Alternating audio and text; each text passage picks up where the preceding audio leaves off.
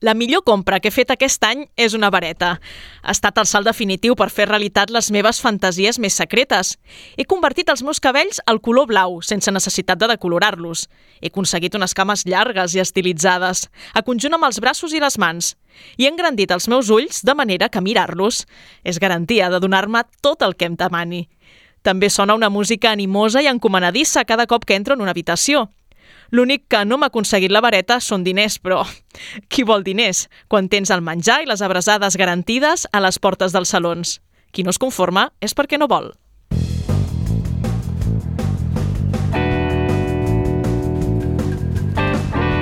Quimèric, amb Karen Madrid. Benvinguts al Quimèric. Ara sí, donem per acabada la tardor fantàstica. Aquest segon cap de setmana de desembre ha servit per tancar l'agenda d'esdeveniments friquis i de quina manera. Bona part del programa d'avui el dedicarem a fer crònica del manga Barcelona. D'una banda, escoltarem alguns dels internacionals, com el creador de l'anime de Scott Pilgrim, Brian Lee O'Miller, el seu director, Abel Gongora, o l'il·lustrador japonès Tokyo Genso i l'autor de l'adaptació del videojoc Persona 5 al manga, Isato Murakami.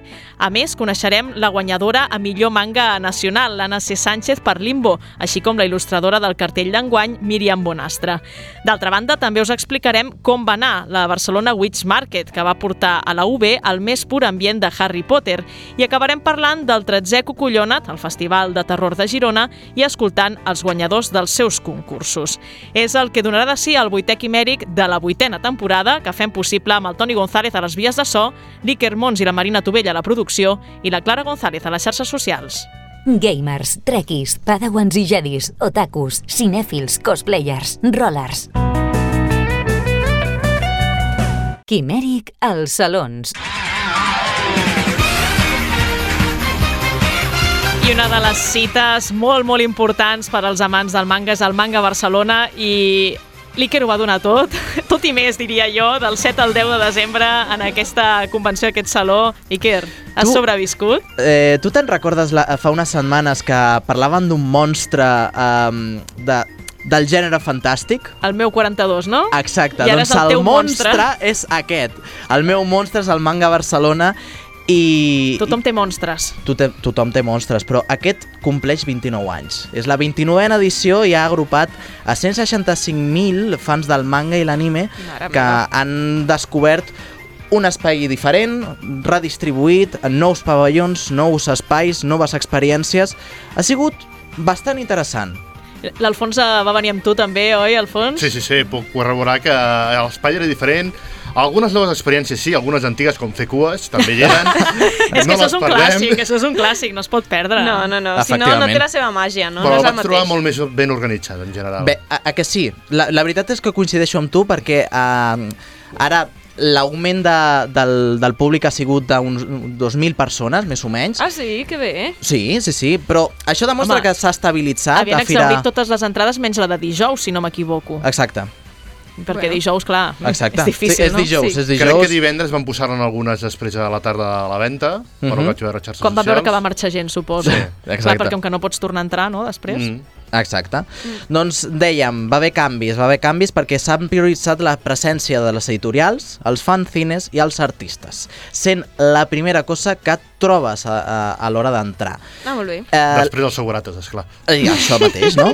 I l'escenari s'ha allunyat i també eh, la zona comercial. S'han inclòs espais, com una zona d'esports, més menjar a l'interior, i reconversió de l'escenari de ràdio i podcast, que recordes que el Ah, vam mencionar eh, l'any passat? Sí. Doncs ara s'ha recompartit en un espai multimèdia per fer streamings en, eh, en línia. Molt bé. I encara nosaltres no hem anat com a podcast. Estem trigant ja. Mm, A mi em sembla ofensiu, hay, que, hay realment. que hacer algo. També és veritat que de manga en parlem poc, al Quimèric. Això és veritat. que, clar, poder, poder, bueno, eh, poder... suficient. Igual Ah, el del còmic, igual el del còmic ens deixarien anar. Això mateix, és el que t'anava a dir, que, que tenim més coneixements, no? Ah, tècnicament també Bueno, som un programa de ràdio. El que s'ha matat Sí. sí.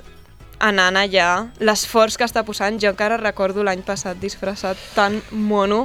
De Sakura. No, no, estem parlarem- parlarem tema, d'això, però no eh, està parlarem. dient... No, no, parlarem Parlaràs d'això. després d'això, perquè estàs passant per sobre com si fos una cosa No ha passat. no, no important. què Això m'estàs no ha parlant, passat. eh? No ha que, passat, clar, no ha passat. Jo estic molt enfadada.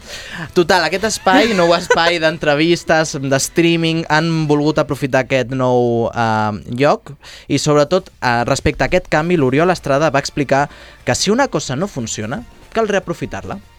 I han dit, no, anem a centrar-ho més en un espai que sigui realment d'entrevistes, de podcast, que la gent realment pugui venir a seure, a escoltar i a més a més també afegir això, no? que Aquella càmera d'allà.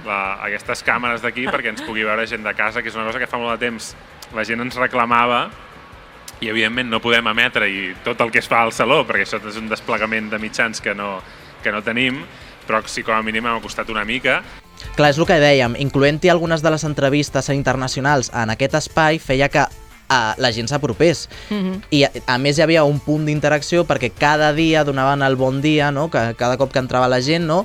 aquell espai estava, eh, a part de la, mus eh, del, de la veu de megafonia, benvinguts a la vila del pingüí, no? era eh, aquell espai que mm, potenciava la idea de mira, la gent està entrant just per on, on estem nosaltres, anem a convidar-los ja que participin, ja que facin eh, coses, no? Uh, bé, d'aquesta banda no, eh, hem escoltat a l'Oriol Estrada sobre aquest espai, però mm, anem a escoltar la seva directora, la Meritxell Puig, sobre el balanç d'aquests quatre dies.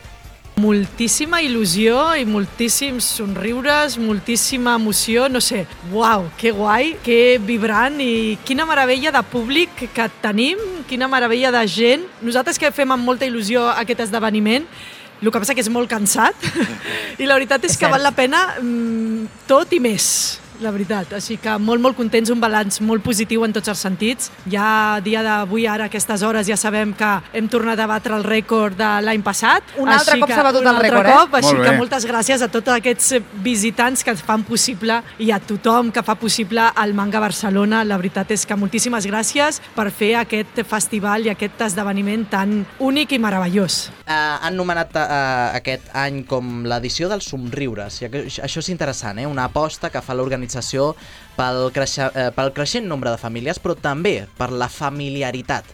En parlen d'un sentiment de comunitat. Però segueix sent el que m'agrada de l'ambient i segueix sent una petita família, no? Són petites famílies que es van fent, després gent que es va coneixent. Uh, l'ambient és, és això, no? Molt familiar, ja no només perquè vinguin famílies senceres, sinó en el sentit de que són, bueno, petits, petites comunitats que es van veient, que es van creant i en un espai molt gran. Eh, Això és una cosa que, que, ens, que ens diu molta gent que ve aquí, gent que potser no és que no, ha no és visitant del Sol del Manga, gent que ve a treballar pel que sigui, gent que, que ve per primera vegada, que, que el bon rotllo es respira. Hem fet una nota de premsa que a algú li semblarà molt, Sí. molt adulcorada, uh, molt cursi, però és, que, però és que realment és molt sincera, uh, perquè hi ha molt bon rotllo aquí, en general. Exacte, aquesta, aquesta idea adulcula, eh, efectivament és una mica adulcorada, però he de dir que és una realitat. Eh, ara, aquesta edició ho hem notat bastant, que l'esperit que es respira entre companys de premsa, entre assistents, és molt autèntic, no?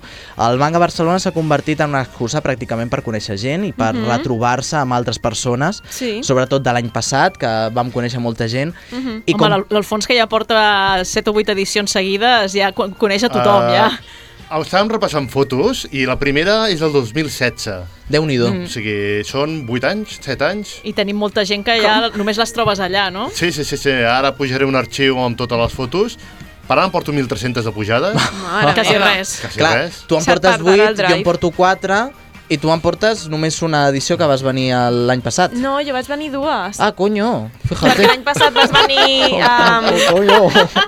l'any passat vas venir de cosplay, te'n recordes que anaves tan guapo? Sí, sí, no, no, no. Perdona, No sé, Dic no que sé. sempre va guapo. No mira sé de què aquí m'està- hoy no parles del No cosplay. sé, de no què s'ha m'estàs, oblidat. no sé de què m'estàs parlant.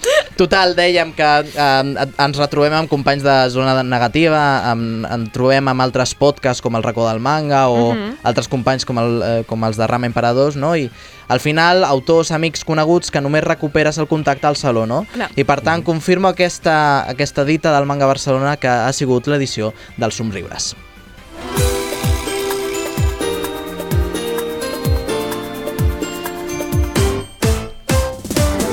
Bé, aquesta música crec que sí que us sonarà perquè um, l'any passat va passar una cosa molt interessant que ja s'ha comentat uh, fa uns segons sobre Oh, per fi! la meva... eh, mira, veus? És que no veus? passa el guió, llavors, clar.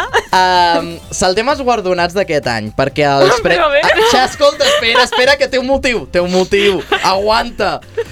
De les Aguanta, Paco, aguanta. De les, de les 15... Si us plau, professionalitat.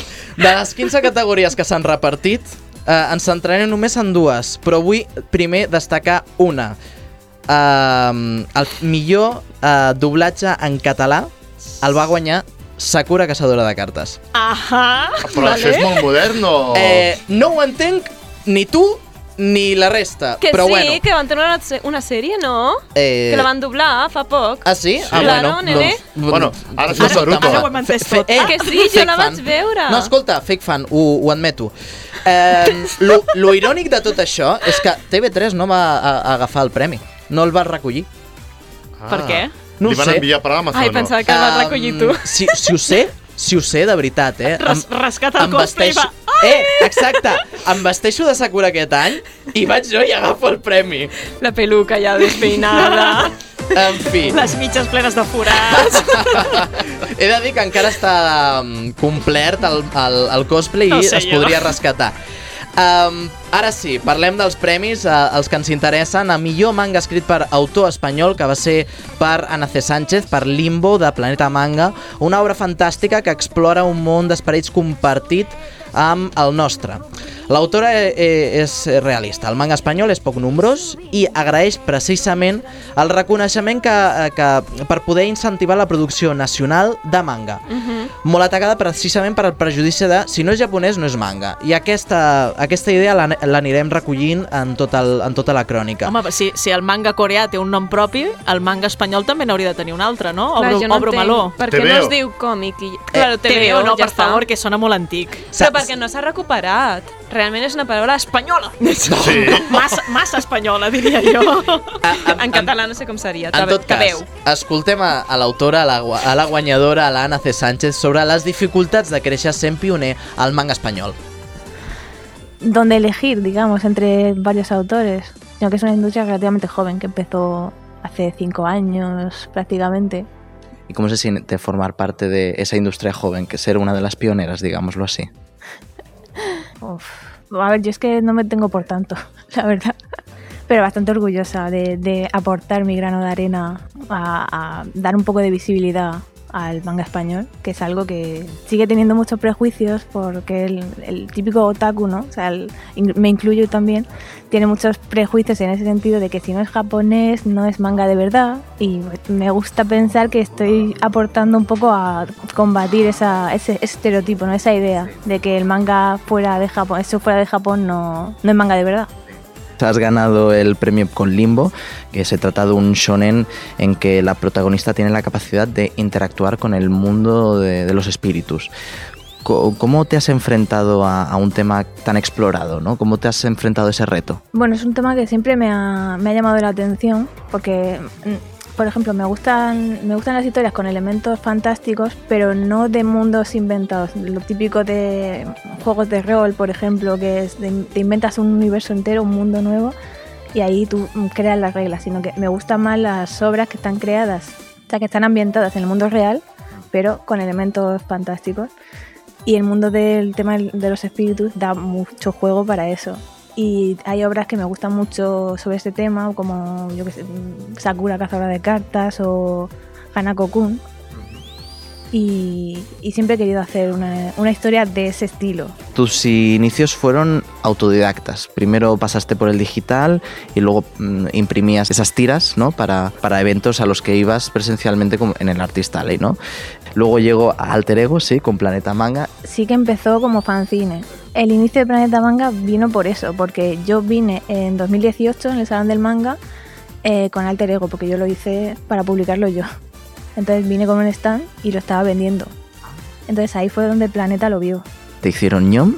Entonces vino Sirius en 2022 y ahora Limbo. Detrás de eso hay mucho sacrificio. ¿Te lo hubiesen dicho que llegarías hasta, hasta donde estás? De ese- desde ese inicio autodidacta hasta Planeta te hizo ñom. No, la verdad es que no, pero ya no solo por el tema de que no hubiera una industria para esto, o sea, para, lo- para publicar manga en España, sino que además decidí dibujar un género que, que es muy de nicho, que es el yuri. Entonces, para nada me hubiera esperado. Yo siempre pensé que si quería que, me que alguna editorial me prestara atención eh, para dibujar manga, tendría que meterme en un género más. mm, ¿Cómo, diría, cómo decirlo? Más, más mainstream, más un sonen, Puedes decirlo, ¿no? nadie te va a matar. Eh, ellos también lo saben. más popular. O sea, el yuri, pues al final es el romance, que es un poco. se deja siempre un poco secundario, pero si encima le añades que es yuri, o sea, es romance yuri, ahora mismo lo que, lo que es muy popular es el BL, por ejemplo, el Boys Love. Pero el yuri no lo es tanto. Entonces, pues para nada me, me esperaba crear tanto interés. Y fíjate, ese interés ha llevado que mm, ganes a, a mejor eh, manga de autora española. Eh, primero de todo, enhorabuena. Y segundo, ¿ahora qué le espera a, a la Ana del futuro? Pues seguir trabajando mucho porque el Limbo, el premio ha sido solo del tomo 1. Ahí vienen muchos más tomos después. O sea, es trabajo a tope. El premio ha sido solo del tomo 1. Ahí vienen muchos más tomos después. O sea, es trabajo a tope. Uh, L'Òscar Valiente, eh, el director de Norma Editorial, va protagonitzar la- eh, l'agraïment més reivindicatiu d'enguany. I precisament va ser gràcies al seu manga Pokémon Sol i Luna de eh, Hidenori eh, Kusaka i. Satoshi Yamamoto. Si us plau, no em desconcentris. Per què? Doncs precisament va ser, va ser precisament per la seva categoria, a millor Kodomo, o manga infantil. És una categoria molt important, no? perquè és la porta d'entrada dels nou, nous lectors al, al món del manga, però tot i així no hi ha suficient Kodomo al, al mercat eh, espanyol i català, no? i sempre hem de reivindicar que s'ha de publicar més, més manga infantil per eh, continuar generant nous, nous lectors. No? perquè aquests nous lectors, aquests joves, passaran a ser els futurs lectors que llegiran shonen, que llegiran altres eh, tipus de, de mangas i de còmic, o fins i tot que permeten la continuïtat de la lectura, no només en el còmic, en el manga, sinó també fins i tot en, el, en els llibres. Sí, totalment. Mm, La meva generació va créixer amb, amb l'Astèrix, el Mortadelo i els còmics eh, espanyols i francesos principalment i vam començar a llegir manga amb, amb la febre de Bola de Drac, no? però que eren un, uns continguts ja, com tu has dit, shonen, que són més preadolescents, no?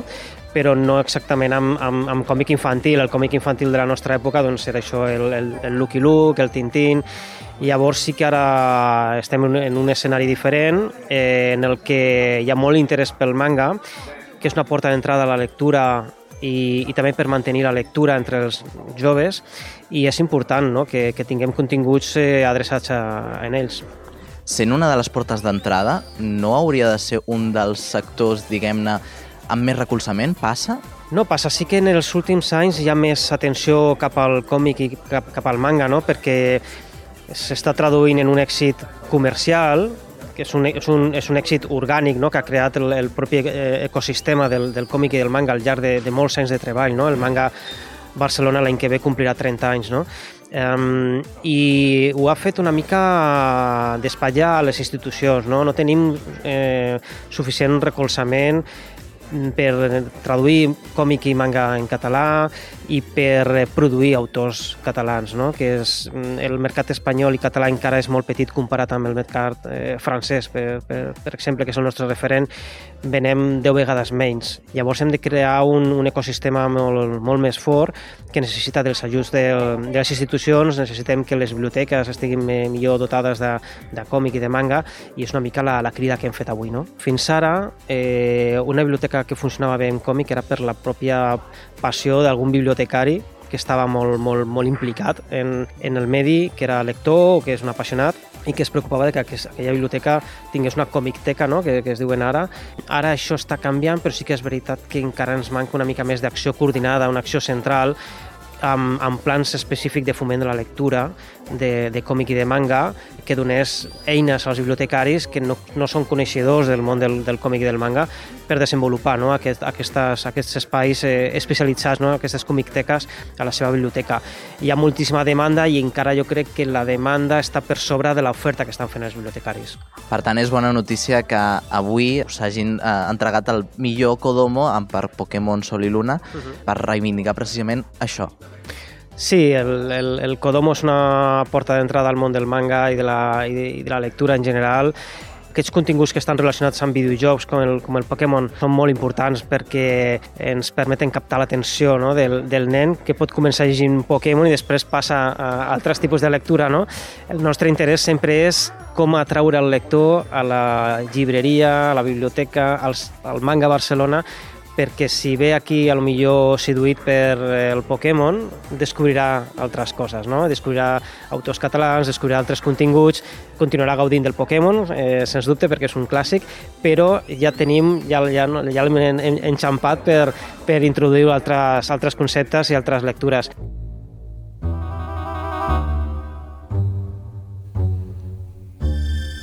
Com dèiem, Manga Barcelona va ser l'excusa dels retrobaments i precisament amb la Míriam Bonastre va ser la primera persona que vaig eh, trobar al Saló, al, al Saló del Manga, no? El, la primera persona, pum, l'autora del, del cartell. Oh. Resulta que ja la hem entrevistat en aquest programa fa un any, eh, just a l'edició anterior, per El príncipe de la calamitat. En aquell moment va participar com una de les il·lustradores, però des de llavors s'ha convertit en l'autora europea més llegida del fantàstic als Estats Units. Tens un radar, eh?, per saber qui triomfarà, eh? Ja, ja. Eh, eh, impressionant. Ho va fer amb Hockey, una història infantil que passa a una acadèmia de màgia tipus Harry Potter i aquesta edició eh, s'ha quedat amb el cartell del Saló del Manga de la 29a edició. Uh, aprofitant aquesta il·lusió del moment, Míriam Bonastre em va explicar com va ser el procés de creació del cartell, així com un repàs de la seva trajectòria per la plataforma Webtoon amb les seves històries, Hockey i Marioneta, Doncs amb dos escol escoltem-la.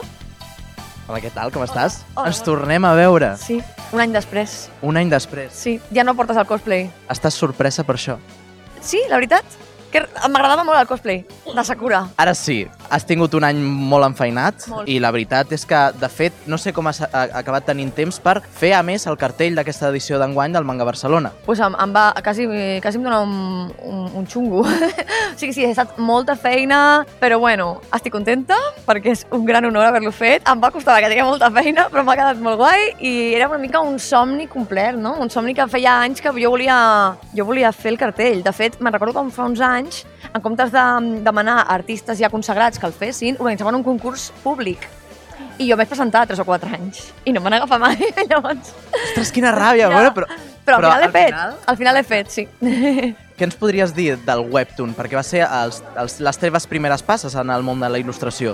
Segueixo allà, realment tota la meva carrera, tant el que he fet com el que estic fent ara, ha sigut a Webtoon. Llavors, bueno, lo xulo i l'original, lo diferent de Webtoon és que en comptes de ser com un manga tradicional en volums, en llibres, és un tipus de còmic que es pot llegir en el- en en el telèfon mòbil. Llavors és una app que tu descarregues i cada setmana tens episodis nous de les sèries a color i els pots llegir còmodament, gratis i, i, i està molt bé. Llavors jo, des de 2015 que porto treballant allà. 2015. Sí, des de 2015, uns quants anyets ja. Es diu ràpid, eh? Ja ho sé, ja tinc fans que, que em van començar a llegir amb 12 anys i clar, que, quan fa 2015? 8 anys, no? Doncs pues ara en tenen 20. ja. Ostres! Bastant fort, bastant fort. O sigui, realment jo quan publicava Hooky no pensava en plan, serà per nens, sinó pensava d'explicar una història que a mi m'hagués agradat quan jo tenia doncs, 12, 13, 14, i que encara em podria agradar.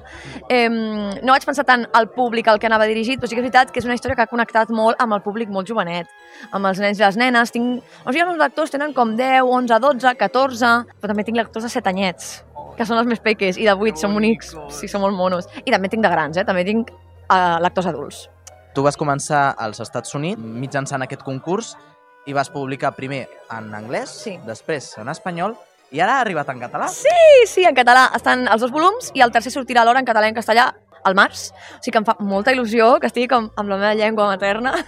és molt xulo, la veritat. En hockey es noten molt certs referents com, eh, per exemple, l'estudi Ghibli. Has volgut trencar una mica amb, amb els referents occidentals i buscar en aquells orientals com podria ser Hayao Miyazaki? Realment no és que ho hagi fet aposta, sinó que jo porto des de petita llegint manga. Jo, o sigui, tota la meva influència, tot el que jo he consumit de, des de petita ha sigut anime, manga... A veure, també, a veure, he vist coses occidentals, clarament, jo, una gran influència de Hookie és Harry Potter, per exemple, que és anglès, o, o moltes pel·lícules i tal, però sí que hi ha molta influència del manga i l'anime, llavors és inevitable que el meu estil de dibuix i de narrativa estigui influenciat. Aquest realisme màgic i aquesta creació de personatge, aquesta evolució de personatges, també t'has basat en, en la manera de fer dels japonesos o aquí hi ha, hi ha hagut influència pròpia? Clar, és que jo crec que realment és el que tu dius. La majoria dels meus lectors, més que amb l'argument o tal, el que es queden és amb els personatges. Sempre em venen, m'encanta este, em vinc disfressat, et faig fanars, en plan, els encanten els personatges. Um, no et sabria dir, perquè al final, com que des de petita he llegit manga, sí que tinc molt el tipus de narrativa i de llenguatge és molt manga, em, però al final jo crec que sempre donem toc, o sigui, jo crec que algú que llegeixi Hookie no pensarà que sóc japonesa, sabrà que, bueno, que sóc catalana, europea, espanyola, no sé, sabrà saps? Perquè sempre hi ha la influència del que has viscut, no només del que has llegit, no? Llavors, no sé, jo sí que amb els personatges m'inspiro molt amb els meus propis, amb les meves pròpies vivències i uh, amistats meves o gent del meu voltant. Llavors, sí, 50-50. Al final crec que es escriure sobre el que coneixes és el millor que pots fer. Clar, jo crec que al final és l'únic... Bueno, hi ha gent que intenta escriure sobre coses que estan de moda o coses que pensen que agradaran, però crec que al final has d'escriure allò amb què et sentis còmode, Ara sí que sí, estàs amb Marioneta, un altre webtoon eh, que estàs treballant sobre un circ que Sí. passen coses. És un circ maligno. Bueno, no és maligno el circ, és un circ normal, però la gent que hi ha dintre del circ són muertos vivientes. En plan, no són zombis, són com gent immortal però que no pot sortir del circ. Llavors hi ha un misteri, hi ha una noia que es troba allà enmig sense comer-lo ni beber-lo, diu, vale, per què sóc immortal? Què faig? Vull sortir d'aquí, vull tornar a casa, hi ha un govern maligne, hi ha màgia, hi ha, no sé, m'ho estic passant molt bé, la veritat. Bueno, ja ja m'ho imagino. Què li depara a la Míriam Bonaste del futur? A part de seguir amb aquest webtoon de Marioneta, amb dos T's, hi ha algun projecte que diguis això és el que m'espera? A veure, jo vull seguir fent còmics, estic a Marioneta que he acabat ara la primera temporada i seran tres en total. Estic acabant de publicar Hookie a Espanya, en català i també a França, o sigui que tinc cosetes que tinc que acabar. I, i ara estic treballant en un còmic molt curtet que sortirà l'any que ve en català original, guió català original, que també fa a televisió. És un còmic curtet, però que em fa molta, molta il·lu.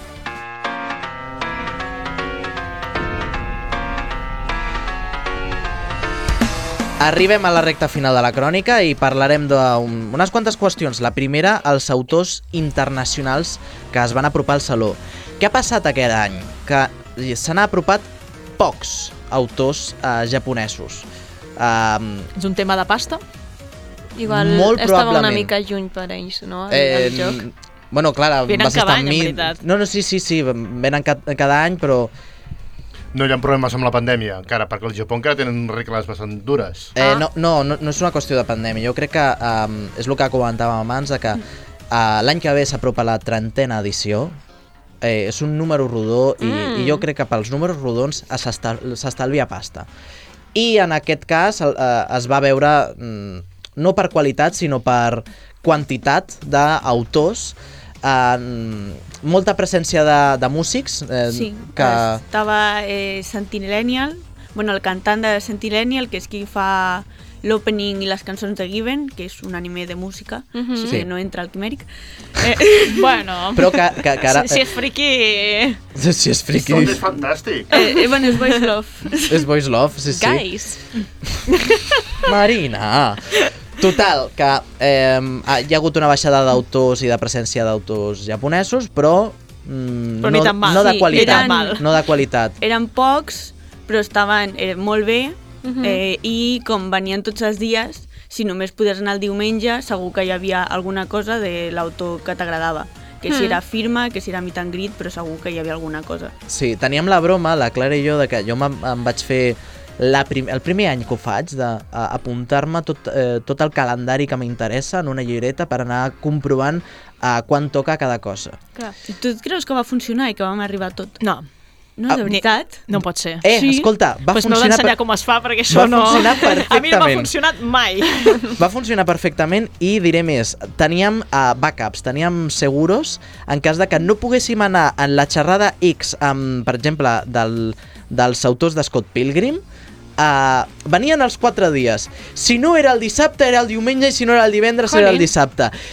Mm, Teníem les oportunitats... Uh, A mi, per mi, el resum d'això és posa un Iker a la teva vida. posa un, sí, sí, Sí, posa és, un, és molt Virgo per la seva part. Sí, exacte, totalment. és Després d'ordenar la meva prestatgeria, bé, el, et faig el teu programa del Manga Barcelona.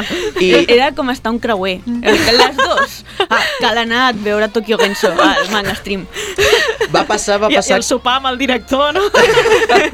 Va passar que, de fet, en el, eh, durant la xerrada que vaig fer a les... Al, és- és que, ojo, eh? Encara em, costa dir que vaig pre, eh, presentar una xerrada del Manga Barcelona, no irònicament. S'està És parlant que- poc d'això. S'està És parlant que poc. estàs parlant poc dels temes més importants i és que ets una estrella ara. Ala, Lo com que que estrella. és mirar l'horari i posava Ikermons. És veritat que Ah. posava Ikermon simulava una és un mica. nivell, Que sí. mono. Total, que durant aquella hora, de 12.30 a 1.30, a, a la 1 em començava una, una entrevista a un altre espai. I si Quin espai? teletransportó? Al Manga Stream. I precisament reivindico aquest espai perquè ho van fer molt bé i em vaig poder teletransportar a dos llocs alhora. Mentre feia la xerrada, també estava escoltant i gravant l'entrevista del, de, uh, de l'Scott Pilgrim. Uh, gravant ho entenc, escoltant? Bueno, escoltant no tant. Ah, Ah, ah, bueno. perquè Ah. si no vol dir que la teva xerrada era poc interessant. No, estava A veure, molt bé. parlem-ne d'això. Has xer- d'estar escoltant qui t'està parlant. eh, sí, potser. la, la xerrada va ser molt divertida. La portarem en propers eh, programes. Sí. Que guai. A veure, avisem a l'audiència. La crònica que estem fent avui és una cosa retallada que anirem aprofitant i aprofundint al llarg de la temporada perquè avui s'acaba la tardor fantàstica. Oh, que, que, I menos, ens venen, menos mal. Ens venen moltes hores lliures per omplir-les amb contingut de qualitat. Exacte. De fet, um, mentre, mentre passaven les He hores i d'especificar deia... que és de qualitat perquè si no diran nos has dejado la mierda Ja per no al final, saps? No. Però va estar bé la xerrada perquè tu pensa, Karen, que l'Iker tenia el meu ordinador, no tenia el mòbil, tampoc, perquè l'estava utilitzant de guió. Eh, no tenia rellotge. Vaig haver d'escoltar-la sencera. Te puedo decir. Estava molt bé. Vaig requerir el seu telèfon per, a- per mirar les notes perquè jo va- estava amb el meu telèfon gravant la xerrada a la taula de so. És que va ser un moment A, catàrtic. Alfons, això són les noves generacions que no s'imprimeixen els guions.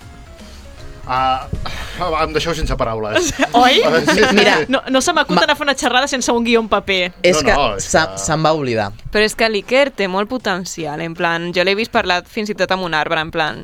Com que amb Mm. un arbre? Tipo, que ets una persona que té molta conversa. No, Amb un molt- arbre, coi? Iker, mi amor, Ah, esto si es un piropo, arbre, ¿vale? no és una qüestió de ser Va, professional, seguim, és una qüestió hem d'un d'escol- hem professional. d'escoltar coses i el temps si us, corre, eh? Si us plau, que el temps corre, tornem als autors Ah, internacionals. exacte, vinga. I comencem per l'adaptació de l'anime de Scott Pilgrim a Netflix. Scott Pilgrim és una comèdia romàntica a Toronto a un entorn quotidià però en el qual es donen nombroses situacions de caràcter sobrenatural i surrealista. Per tant, entra en la dinàmica fantàstica d'aquest programa. El seu creador... I si no li fem entrar, no passa res. Ah, això mateix, no passa res. El seu, pues no, con- no habrá contenido que no hemos metido como calzador en este Exacte. programa. El seu creador, el canadenc Brian Lee O'Miller, va explicar la seva emoció quan li van proposar la idea de fer l'anime. Th- This was my idea, um, A along mí, with my desde mi co-writer, punto de David vista Dickinson. y también de mi co-guionista David Darlewinski, em, el Saru, querer, I el saber que really íbamos a hacer wanted algo en to colaboración con create Science something Saru, that would pues nos fit the apetecía anime mucho medium destacar and that todos would, los uh, allow aspectos for action que and funcionan muy bien en un comedy, anime, music and como all son la these things that I animación, la loved comedia, about Scott la Pilgrim, música um, y que también forman in a parte way de that Scott maybe the Pilgrim, original pero de una comic manera que story quizá en el cómic would- no se había wouldn't, podido um, work the explorar same way. So mucho. I- I was, Así um, que para I was nosotros really fue un excited to vehículo create muy something that was interesante. tailor-made for the anime format. Yeah, it was it was a huge honor to work with them and um, Para mí es un gran honor haber podido trabajar con ellos desde Canadá. Yo de niño nunca se me hubiera ocurrido que acabaría trabajando en la producción de un anime y más de uno basado So, en uh, una obra mía. Evidentemente fue un proceso muy complicado que implicó uh, pues muchísimas reuniones por Zoom durante la pandemia en las que se uh, hablaban muchos idiomas distintos, pero al final pues todo acabó concluyendo. Passi de passa. El director del projecte, la- l'espanyol Albert Caballero, eh, va coordinar aquesta coproducció estatunidenca, canadenca i japonesa, des del Japó.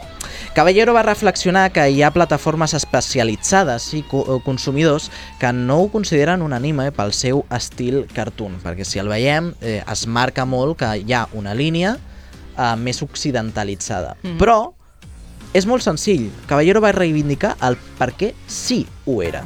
La base de lo que es la animación, la imagen que ves, es prácticamente igual que cualquier otra serie de animación japonesa. La gran diferencia que es, esto es algo un poco técnico, no se suele saber, pero en Japón los episodios están dirigidos, eh, o sea, yo he sido el director, pero cada episodio ha tenido su propio director, se llama Enshutsu.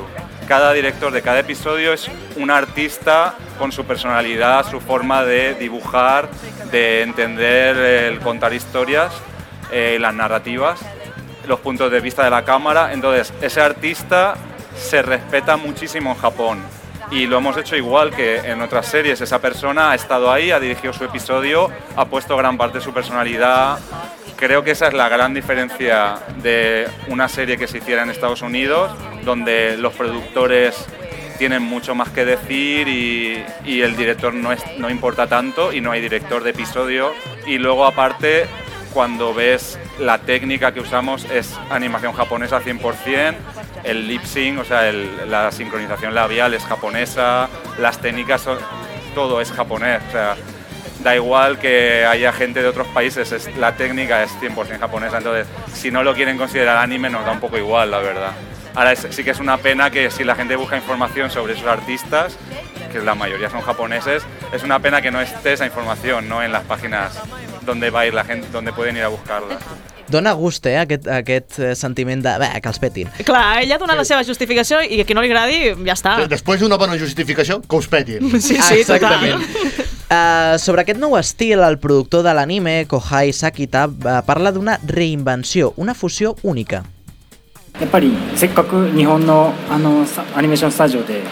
Pues efectivamente, como decía Abel, es un estudio japonés el que ha hecho esto y ha tenido que lidiar con el estilo cartoon y creo que ha conseguido una nueva forma de expresión uniendo los dos. Sakita va la gran dificultat d'un productor, saber com donar forma al que és intangible. これはアベル監督にも言えることなんですけど Realmente para directores como Abel, lo más difícil puede ser entender lo que quiere un director, porque cuando se empieza un proyecto no hay nada hecho todavía. Tú tienes que trabajar en base a algo que está en su cabeza todavía. Comprender lo que quiere el director es probablemente lo más difícil. Qui també va tenir eh, una presència important i un particular estil di- de dibuix i una fusió amb les seves combinacions de la realitat i la ficció és l'il·lustrador Tokyo Genso. És famós per, eh, per la seva peculiar manera de veure les ciutats o els jocs emblemàtics del Japó. Els dibuixa eh, de tal manera que els trasllada a un context apocalíptic on la vegetació ha pres camí. La veritat és que és molt maco de veure i... Eh, Això és molt japonès, trobo, també, eh? Sí, Això perquè- de l'apocalipsis naturalista. Perquè El van dir eh, fantasia ecològica o alguna cosa així. És molt interessant. O sigui, eh, són molt bonics els dibuixos. Buscar-lo en Google. Jo conec el terme ecopunk, també. Ecopunk, Ah, sí. efectivament. Va, eh, van mencionar l'ecopunk. Doncs eh, tot va començar per la seva passió pel viatge. でまあその頃から、えーまあ、自分 Y で después de entrar a trabajar en esta original, ¿no? empresa de animación, también me apetecía dibujar algo personal, unas ilustraciones que fuesen fuera de este trabajo de animación. Y a mí desde siempre me había gustado mucho viajar y me gusta mucho el templo Angkor en Camboya, que ha sido mi inspiración para empezar a crear este tipo de ilustraciones en las que fusiono paisajes de Tokio con la naturaleza y 描いてみたいなっ con て思うよう un に mundo あ fantástico. のなったんですね。 Però en què consisteix el seu estil? えーまあ、東京実際にある、 Ah, mi estilo consiste principalmente en escoger lugares emblemáticos que todo el mundo que vive en Tokio conoce y transformarlos de manera fantástica. Así que lo definiría como un estilo de fantasía en el que transformo la realidad en algo más allá de la ワクワクするか realidad. Un dels seus principals referents i inspiracions, eh, explica Genso, és el, el gran il·lustrador i director de l'estudi Ghibli, Hayao Miyazaki. Sí, yo, dado que estuve trabajando como ilustrador de fondos de animación, tenía mucho interés por la animación y siempre me habían gustado muchísimo las películas del director Hayao Miyazaki del estudio Ghibli. De mis películas favoritas son, por ejemplo, El castillo en el cielo o Totoro. Fueron mi gran inspiración también para crear mi arte personal. Per aquells que eh, vulguin endinsar-se en aquest món, Tokyo Genso va aprofitar la seva experiència per donar un consell als nous il·lustradors. うんやっぱり僕も最初はあのー Como ya he mencionado, yo 街の風景だったり trabajé de, dibujando fondos de animación, pero la verdad es que no he visto tantísimo, tantísimo anime. Ah, y supongo que mucha gente cuando piensa en la animación piensa primero en los personajes y no tanto en los fondos. Uh, creo que si alguien quiere dedicarse a la ilustración de fondos, mi consejo es que dibuje muchísimo y que intente salir un poco de su zona de confort. No solamente dibujar lo que te guste, que también está bien, pero como trabajo muchas veces tienes que dibujar cosas que no son realmente lo que quieres, pero tienes que hacerlo por trabajo. Así que practicar muchísimo e intentar salir un poco de la zona de confort. L'últim dels autors japonesos va ser Isato Murasaki, encarregat de l'adaptació al manga del videojoc Persona 5. En castellà tenim tres toms de, editats per norma editorial i precisament és la cançó que estem escoltant ara mateix. Yeah! Persona 5 narra la història d'Akira Kurusu, que és un noi acusat d'un delicte que no va cometre. Per aquest motiu es va traslladar a un altre institut on descobreix que té un superpoder relacionat amb l'esperit o el cor de les persones. Té la capacitat d'entrar als seus palaus mentals per canviar el seu comportament corrupte, com per exemple un professor pedòfil. És complexíssim aquest, tipus, aquest vi videojoc, per això eh, Murasaki va destacar la importància i el repte de conèixer bé el videojoc. Darrere del manga hi ha hores i hores dedicades. あの作品を作る上でやっぱりあの時間の制約というのがあり Havia de ser molt fidel a la història principal, perquè és un videojoc que té molta informació, així com personatges molt interessants. Però sempre hi ha limitació de temps. Si continués escrivint tot el que apareix en el videojoc, trigaria 10 o 20 anys. Per tant, havia de ser molt fidel en la història, però procurar tenir-ho a temps. 続けなければならない状態になりますのでなるべく本編に絞って Uh, amb l'excusa del manga, Murasaki anima els assistents a mai rendir-se i procurar que el món sàpiga d'ells. 漫画に関して言えばあのまず作品を完成させることですねあのどんなに下手であろうとどんなに面白くなかったとしてもとりあえず1個書き上げて Crec que quan comences una obra és molt important completar-la. Encara que pensis, ah, no dibuixo bé, la història no és tan interessant. Una vegada completis una obra teva, ja veuràs que això es vincularia a la teva confiança per seguir. I també recomano posar-ho en escena, presentar-ho, que el món sàpiga de tu. Si no ho difons, no sabran de tu. Quan facis això, segurament hi haurà gent que li agradarà la teva obra i el teu dibuix, i seguirà el teu camí de ser mangaka. Mai se sap. Us animo a donar-vos a conèixer. 自分の絵のことを好きになってくれる 高きと。こかあのこの人と仕事をしたいって思ってくださる人がいると思うのでとりあえずガンガンと自分の絵を発表していくことがあの大切だと思う。 Indespa indispensable seguir fent i esforçant-se, com ha dit en Murasaki, a acabar els projectes. Un consell que des del Quimèric ens apliquem. Acabem la crònica amb aquesta idea, però no patiu perquè ens guardem contingut per pro propers programes. I no Com serà la- poc. I no serà poc, precisament. Com la meva taula de la Boy Love escrita a Catalunya, la situació de les editorials de manga actualment Vamos. i una conferència de pel·lícules que particularment a tu t'agradaran molt. J-Horror. M'interessa molt. Veus? Doncs uh, aquí acaba tot. Per, mm, ens guardem manga a tutti plen i serà més i millor.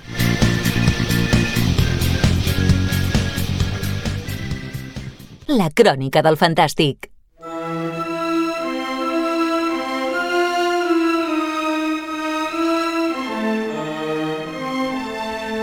I el Manga Barcelona no és l'únic esdeveniment que s'ha fet aquests últims dies de la tardor fantàstica. També n'hi ha un marcat al calendari pels fans de Harry Potter, Mm -hmm. que és a Barcelona Witch Market. Marina, et miro a tu molt intensament, perquè sé que ets fan habitual d'aquest esdeveniment. Molt habitual. Segon any que el, que el cobreixes pel Quimèric. Explica'ns una mica com ha anat. Doncs bueno, aquest any vaig anar amb tota la meva família, ja que els membres del Quimèric no aprecien Harry Potter. Jo sí que aprecio Harry Potter, però Hòstia, tenia qui- altres qui- esdeveniments. quin He d'anar amb unes Puc altres dir-ho? persones. Puc dir-ho? Que l'entrada valia 20 euros? Bueno, ja ho has dit. Ben pagats, ben Ostres, pagats. 20 euros, collons. Molt diners. Doncs bueno, vaig anar amb la fa- meva família i jo vaig Mhm. anar de cosplay un altre cop d'alumne de Harry Potter, però he de fer un shout-out per la meva mare, ja que li farà molta il·lusió escoltar-ho, i és que també es va fer un cosplay, però un nivell que els, els fotògrafs la paraven per fer-li fotos. Molt bé. Carai, Molt bé. Guapíssima. Sí que s'ho va Alguns treballar. poc criteri, eh? Oye, no Oh! digues això. Oye, Al això fons. em sembla molt ofensiu. A sobre que vens aquí, que no vens mai... Bueno, Marina. Oh. Mm. Hem obert el calaix de merda. El calaix màgic de merda, doncs perdó. mira, la Barcelona Witch Market cada any proposa una temàtica que inspirarà les activitats, les xerrades i fins i tot els cosplays de les Mhm. persones que es vulgui- vulguin disfressar. Bueno, perdona, no és disfressar. Cosplayer. cosplayar. És que no sé com es Sincer- conjuga aquest verb. Mira, mm, A veure, el jo crec que cosplay és podem- disfressar-se, què podem més disfressar, dona? exacte. Vale. I bueno, aquest any descrivien el tema com el bosc prohibit, el bosc màgic, les cantonades verd obscur on la màgia encara és salvatge. Digues, Clara. Esto es la Met Gala. Aquí me falta la ¿Sí? Rihanna vestida de papa. Sí, sí, realment. O sigui, mm, si no vaig veure com 50 Voldemorts i 50 Bellatrix, no vaig veure cap. Tothom va escollir el mateix personatge. És normal. Home, és habitual. L'esdeveniment un any més estava a pat- a patar de gent i una novetat d'aquest any va ser l'ampliació de l'espai, ja que es va obrir una nova zona de la universitat on poder fer les activitats i les xerrades, que la veritat em va fer molta il·lusió, ja que l'any passat les activitats estaven posades com a, no sé, el quarto de la limpieza, suposo, perquè només podien cabre com 12 persones, si no eh, recordo eh, malament. Era per, per, per donar aquesta sensació de a- acabes d'entrar a l'habitació de Harry Potter Exacte, sota, la, exacte, sota, sota les la escales, no? Ai, no? Anem a parlar de la miserable vida de Harry Potter i tu assegut a terra, no, allà? Sí, sí, horrible. Jo estava molt trista. Aquest any, quan vaig arribar, em van dir no, no, sí que van 100 persones. Jo, "Ah, doncs aniré a totes les xerrades. Espera, que hay mesa de sonido, ¿podemos grabar la charla? Madre mía. Sí, així estava molt contenta. Llavors no podré fer-vos crònica de totes les activitats perquè només soc una persona i com no Eh, tinc el giratemps de l'Hermione, no? Principiante. El Iker sí. Tu sí, és No, no, veritat. sembla que jo tinc superpoders. És això o ser Virgo? No sé. Exacte, una mica les dues coses. Però bueno, a que no endivineu quina va ser la primera classe a la que vaig assistir?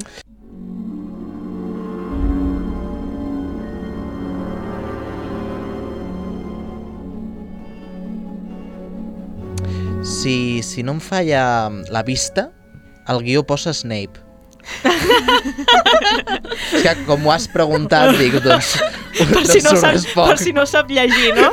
Snape. Snape. A veure, què vol dir Snape Aqu- en aquest context en El, el, concret? el, tal, el tal Snape, qui, qui és? Qui és? És que no em sona. Vale, la pròxima vegada que faci una pregunta pots no llegir la resposta, sisplau. Llavors, la classe va ser la de pocions, organitzada per Monster Production. Ok. Es tracta d'una activitat de rol en viu on els participants, o alumnes, ens van separar per cases de Hogwarts, que són... Slytherin, Hufflepuff, Gryffindor i Ravenclaw. Gràcies per llegir el guió. Però me la sé, eh? Jo sóc eh, Hufflepuff. Molt bé. Tu què ets? Ravenclaw? Iker. Sí, jo, bé. jo soc Ravenclaw. És que tens tota la cara de Ravenclaw. És per les ulleres? No, és perquè ets intel·ligent. Ah, vale, gràcies. De res. bueno, doncs uh, constava en que havíem de crear la poció Veritaserum Vale. i havíem d'esbrinar qui del grup era un perillós mortífag. Collons, estan per tot arreu. Llavors, com a l'aula hi cabien unes 100 persones, com ja he dit abans, ja que la UB té unes classes gegants, com la UAB, realment, eh, i va poder participar molta gent. I el que em va sobtar d'aquesta Mhm. activitat és que hi havia tothom, que si nens, joves, adults, gent més gran... Això és bona notícia perquè mm, la familiaritat acompanya aquests, aquests es- esdeveniments i, També. i és molt positiu que així sigui Totalment. perquè hi ha aquest relleu Hi ha relleu, generacional. sí, sí. Això mateix. També és l'edició dels somriures al Witch Market. Això mateix, edició dels somriures. doncs està molt bé que Harry Potter continuï al llarg de la història.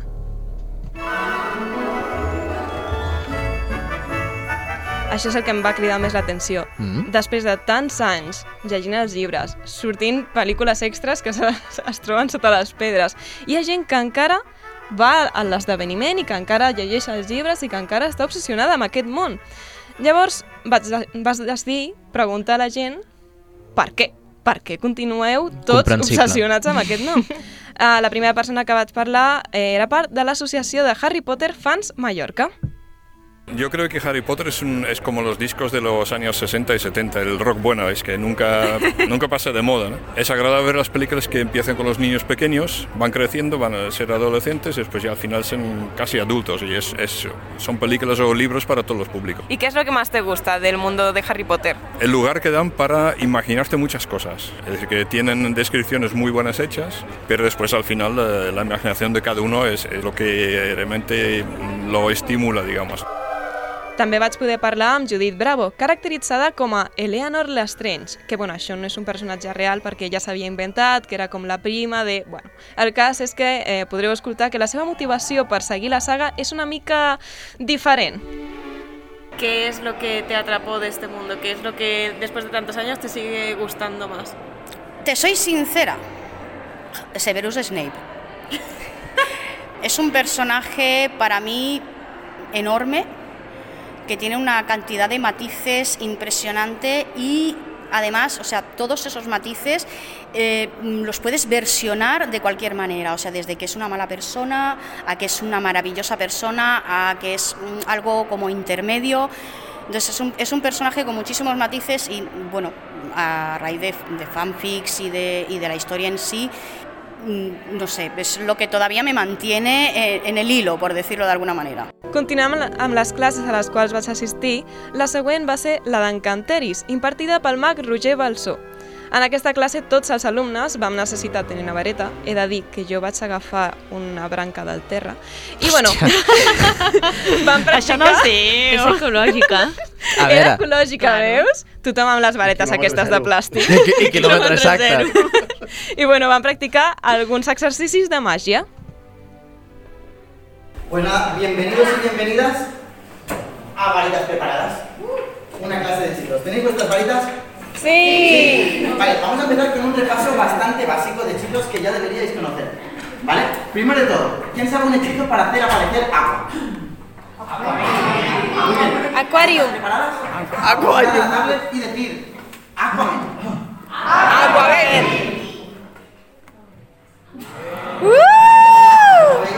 Vale, la gracia está en poderlo coger y de aquí de la tablet.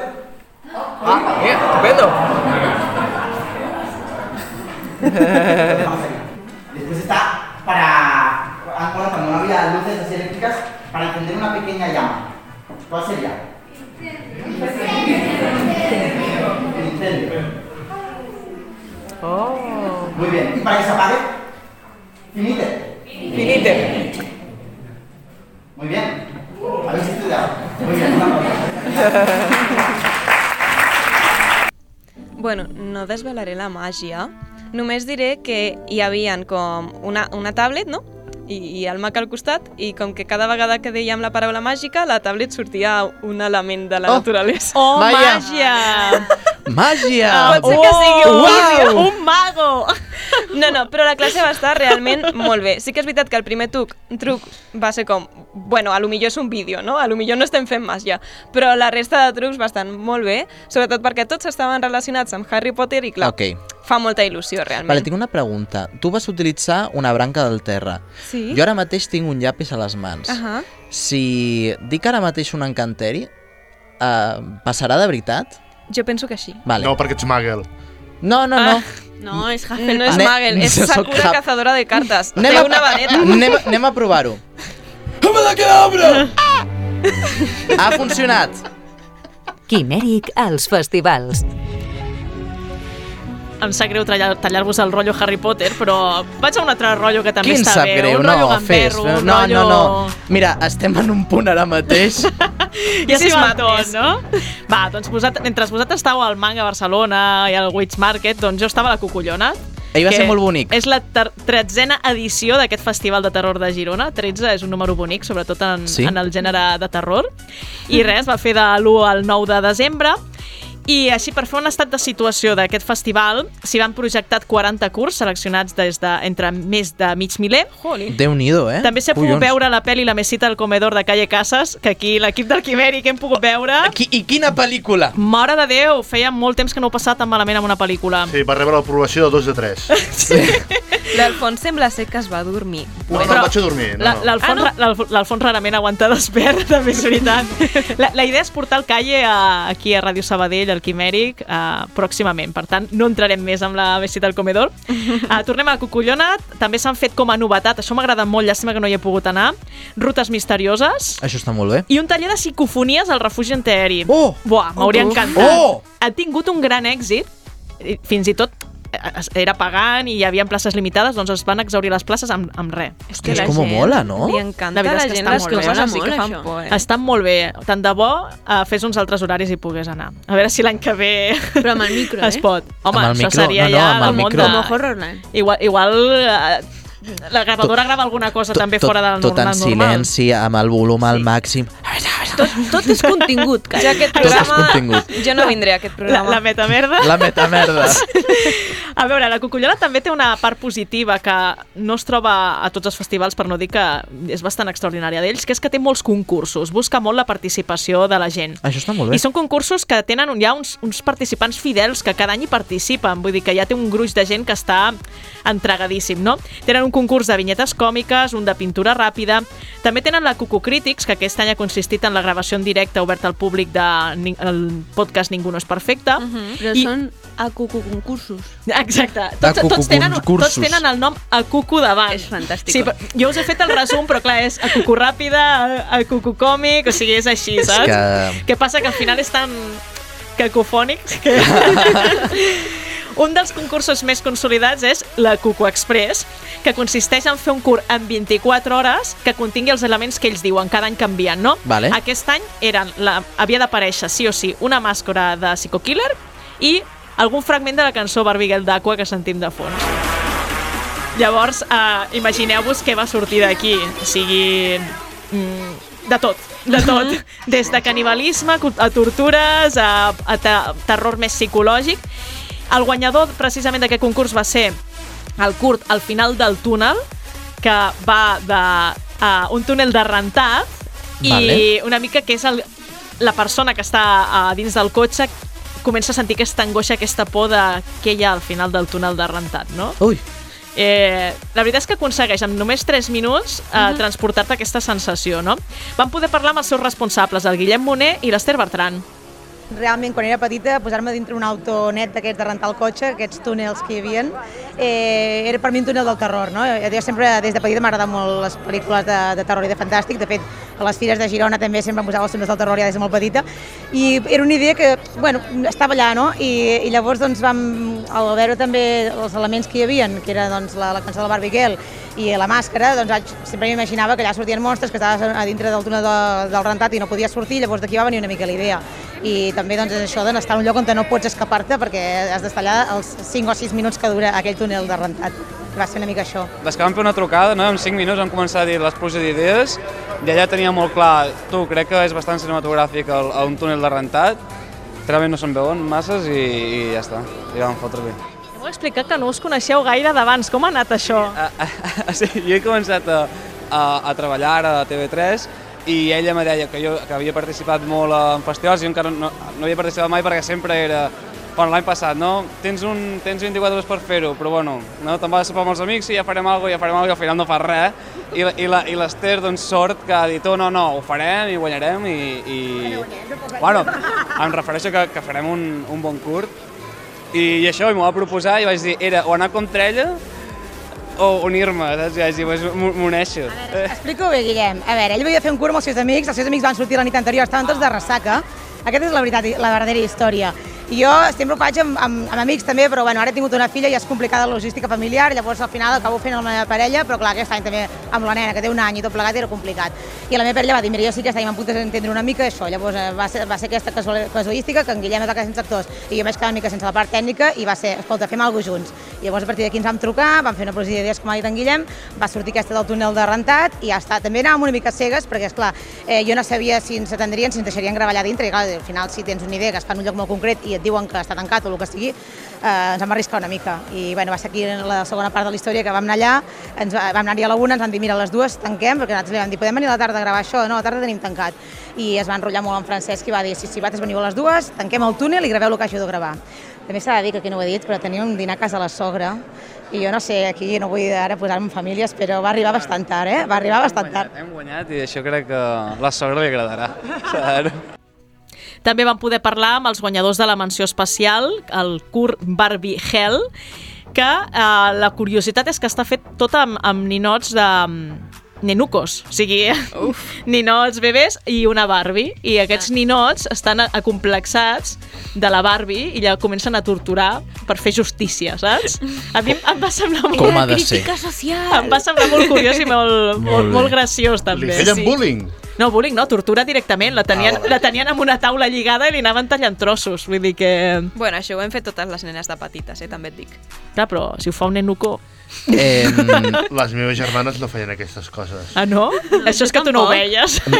Ma Mar Marina, tu què feies amb les teves nines? No, però tothom li ha tret una cama, no? A la seva mm, I nina, després no? plorava perquè l'havia trencat sense voler i li Clar. demanava al meu pare, però no, no, Però aquí, no, aquí si no era jo. aquí era volent. Escoltem el Carles Roman i el Pol Muñoz que ens expliquen com va ser la producció d'aquest curt. Teníem una idea prèvia, però quan van sortir els temes la vam descartar totalment i vam intentar... Vam estar fet un parell d'hores, no? Crec que... Vam fer un brainstorming que va durar molt. Sí. Vam anar a esmorzar, vam, ens ho vam pensar molt i al final, bueno, va sorgir la idea de fer un ninos, això sí.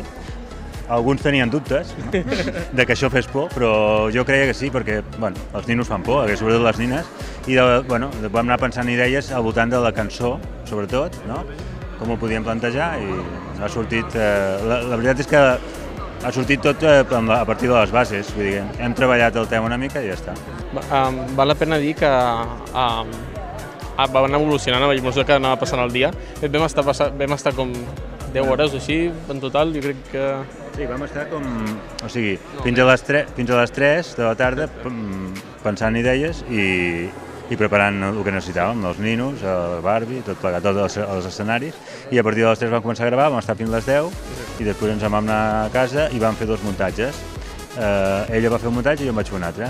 Jo em vaig quedar en 3.40, eh, o sigui que ens passàvem una mica i ella va fer en 3. Quedava més retalladet, però ens ajustàvem al màxim a, a la idea i llavors doncs, vam escollir el seu perquè era més, més curtet i, i arriba, no, no patíem que no ens descalifiquessin per al temps. Una mica això. Gravar un nines va costar més del que pugui semblar, eh? perquè... Sí. Clar, I, i Ah, fer que es moguessin també va ser divertit, eh? perquè ho fèiem tot amb les mans, evidentment, però ho vam intentar dissimular com vam poder i bueno, Rotllo Gremlins, no? exacte, una mica molt, molt, manu molt manual, molt, molt d'artesà, no? Va sortir la idea d'agafar algun fil així transparent, però no ho vam fer. Vam directament amb les mans i fora. O quietes o amb les mans. I ja està. I bueno, la- l'any que ve vindrem amb la segona part. És la, la venjança de la Barbie, no? La Barbie biònica torna per venjar-se de les nines. No. El festival també té un concurs de curs a instituts, la Cocotuts. Em va La- costar molt de dir, eh? Cocotuts. La veritat. Impressionante. I van participar 12 projectes, que no està malament, es van poder veure eh, la- a la- l'acte de, cla de clausura, i el curt guanyador va ser Retard injustificat de l'Institut Sant Elm de Sant Feliu de Guíxols. De què va? Doncs el que D'un retard injustificat? el que t'estan dient és que si una persona arriba tard a l'institut, hi ha una mena de fantasma que anirà en plan psicoquiller a carregar-se-la. I llavors és d'aquesta manera han aconseguit que en aquell Vale. institut ningú arribi tard. Ostres, tu. Bé, la idea és bona. Sí. Jo la su subscriu, eh? La vull, la vull. La, vol, la vols pel teu institut, no? Si la Conselleria d'Educació ho, ho sent, això. Ah, vam poder parlar amb la Polina Estepanova i l'Oleguer Núñez, que en són els impulsors. L'institut ens va penjar el Classroom, que és l'eina que fem servir per, per estudiar i això, i ens van penjar aquest concurs i a Cultura Audiovisual, que és la, l'optativa que fem, doncs ens van proposar aquest concurs i vam començar a pensar idees per fer aquest curt. I al principi bueno, vam estar discutint sobre què ho faríem, si ho faríem més realista o més de paranormal i així, i vam acabar fent un mix, o sigui, un, sí, una mica com sàdic, però també paranormal, i bueno, així va sorgir la idea. Yo eh, hemos creando una idea de, de toda la historia del cronómetro de, eso, de, este, de este Kurt y de protagonista es la típica, la típica es más cliché de todo, de todo que puede ser de los ah, niños que están mm, estudiando en los institutos ah, hoy en día. Y pues es un poco, un poco borda y creo que em, eh, conseguimos de dar este nivel de, de, po que y conseguimos la idea de, de idea que con editar de Balaguer, moltes gràcies per, a, a mi, al meu company del, això. I cada any s'entrega també un premi honorífic. En aquesta edició han anat els organitzadors del Ball de Fest, el Tito Gore i l'Ester Córdoba, que, com dèiem, en el programa del Ball de Fest són persones que estan a tots els festivals, que s'impliquen al màxim, i és el que li van voler reconèixer els de la Cucullona, de dir, home, heu vingut cada dia aquí, uh Mhm. -huh. quan us hem demanat participar o per presentar un acte, entregar un premi i heu estat aquí, doncs és com donar les gràcies, no? I també algú més va rebre no, el, el, aquest premi honorífic, em sona, no, no doncs sé per sí, què. sí, resulta que l'any passat eh, me'l volien donar a mi, jo presento l'acte de clausura ja des de fa uns quants anys, no? I l'any passat me l'havien de donar. Què passa? Que per un tema de força major no vaig poder anar a presentar l'acte Uh -huh. i no vaig poder anar a recollir el premi. I com es sent recollir-lo? Home, jo, després pensa, d'un any? jo pensava que no el recolliria, simplement que després del festival, quan anéssim a sopar, doncs me'l donarien i ja està a tu casa, no? Però quan vam entregar els premis, en el guió no ho posava i va ser com un... Ai, ens queda un premi a la taula. Ah, d'aquí deu ser, no sé què. Van començar a fer el cachondeo, jo estava darrere i era com, si ja sé que és meu, i van començar... No, em sembla que és de l'ha de recollir algú que ve de Madrid, no sé què. Clar, la cunyeta es va allargar fins a tal extrem que després de l'acte encara hi havia gent que em preguntava si era de Madrid. I jo, no, que em dic Madrid de cognom. I tothom va ser com, no, what? I, I jo, en plan, vale, molt bé. no, que jo no sóc de Madrid. No, no, sóc de Ribes. Ribes de Freser. No, no, i, i també el punt de una persona que és de l'organització, que em coneix de cada any, va dir, jo sempre havia pensat que el teu nom, Karen Madrid, era un pseudònim. Eh, un nom I artístic. jo, doncs no, dic que està al meu DNI. Vull dir que va donar bastanta, bastanta conya, però si ja tinc el meu premi honorífic de la Cucullona al, Oh. a la prestatgeria, al costat dels llibres de Terry Pratchett, vull dir, era un lloc privilegiat. Que bonic. I estic molt, molt contenta, la veritat.